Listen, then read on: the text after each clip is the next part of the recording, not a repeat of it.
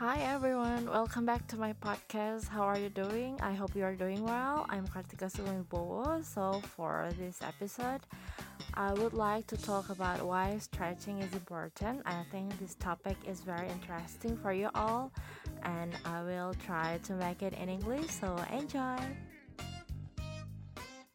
Well, it's been a long time for me. Uh, back to my podcast. I think I'm off more than three months, and it is a little bit awkward.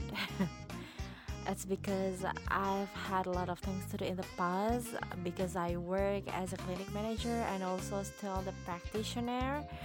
I treat a lot of passion.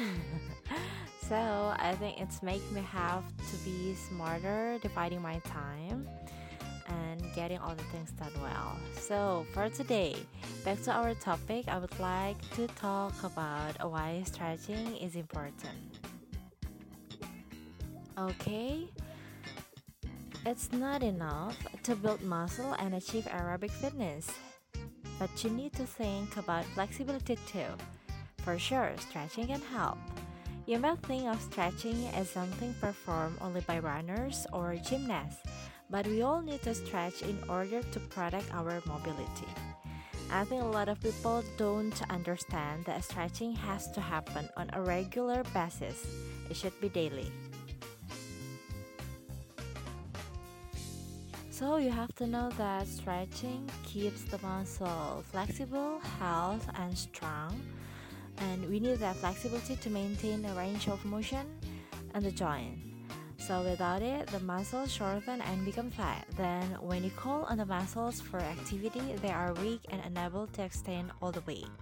That puts you at risk for joint pain, strains, and also muscle damage. And daily activities that we do, not just sports, can also cause muscle tension in both the lower limb and upper limb muscle areas and you have to know that muscle tension that isn't treated by stretching will lead to other muscle injuries that will interfere your activities like back pain, cervicogenic headache, and also like hamstring strain. Then a lot of people asking me about what is the best time for stretching. And for stretching, I think you can do in the morning after you wake up and then at night before you go to bed and also before you do your sports and after that. So make the stretching um, your regular thing after you are warming up and also after you are cooling down. So once again i will remind that regular stretching really keeps your muscle lean, long, and very flexible. So this is very good thing to preventing the injury during the sports. That's when you do your exercise. If you do the stretching before and after, that's really preventing the injuries.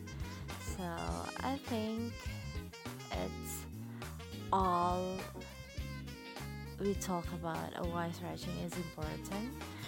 I hope this short, really short podcast really useful to those who listen.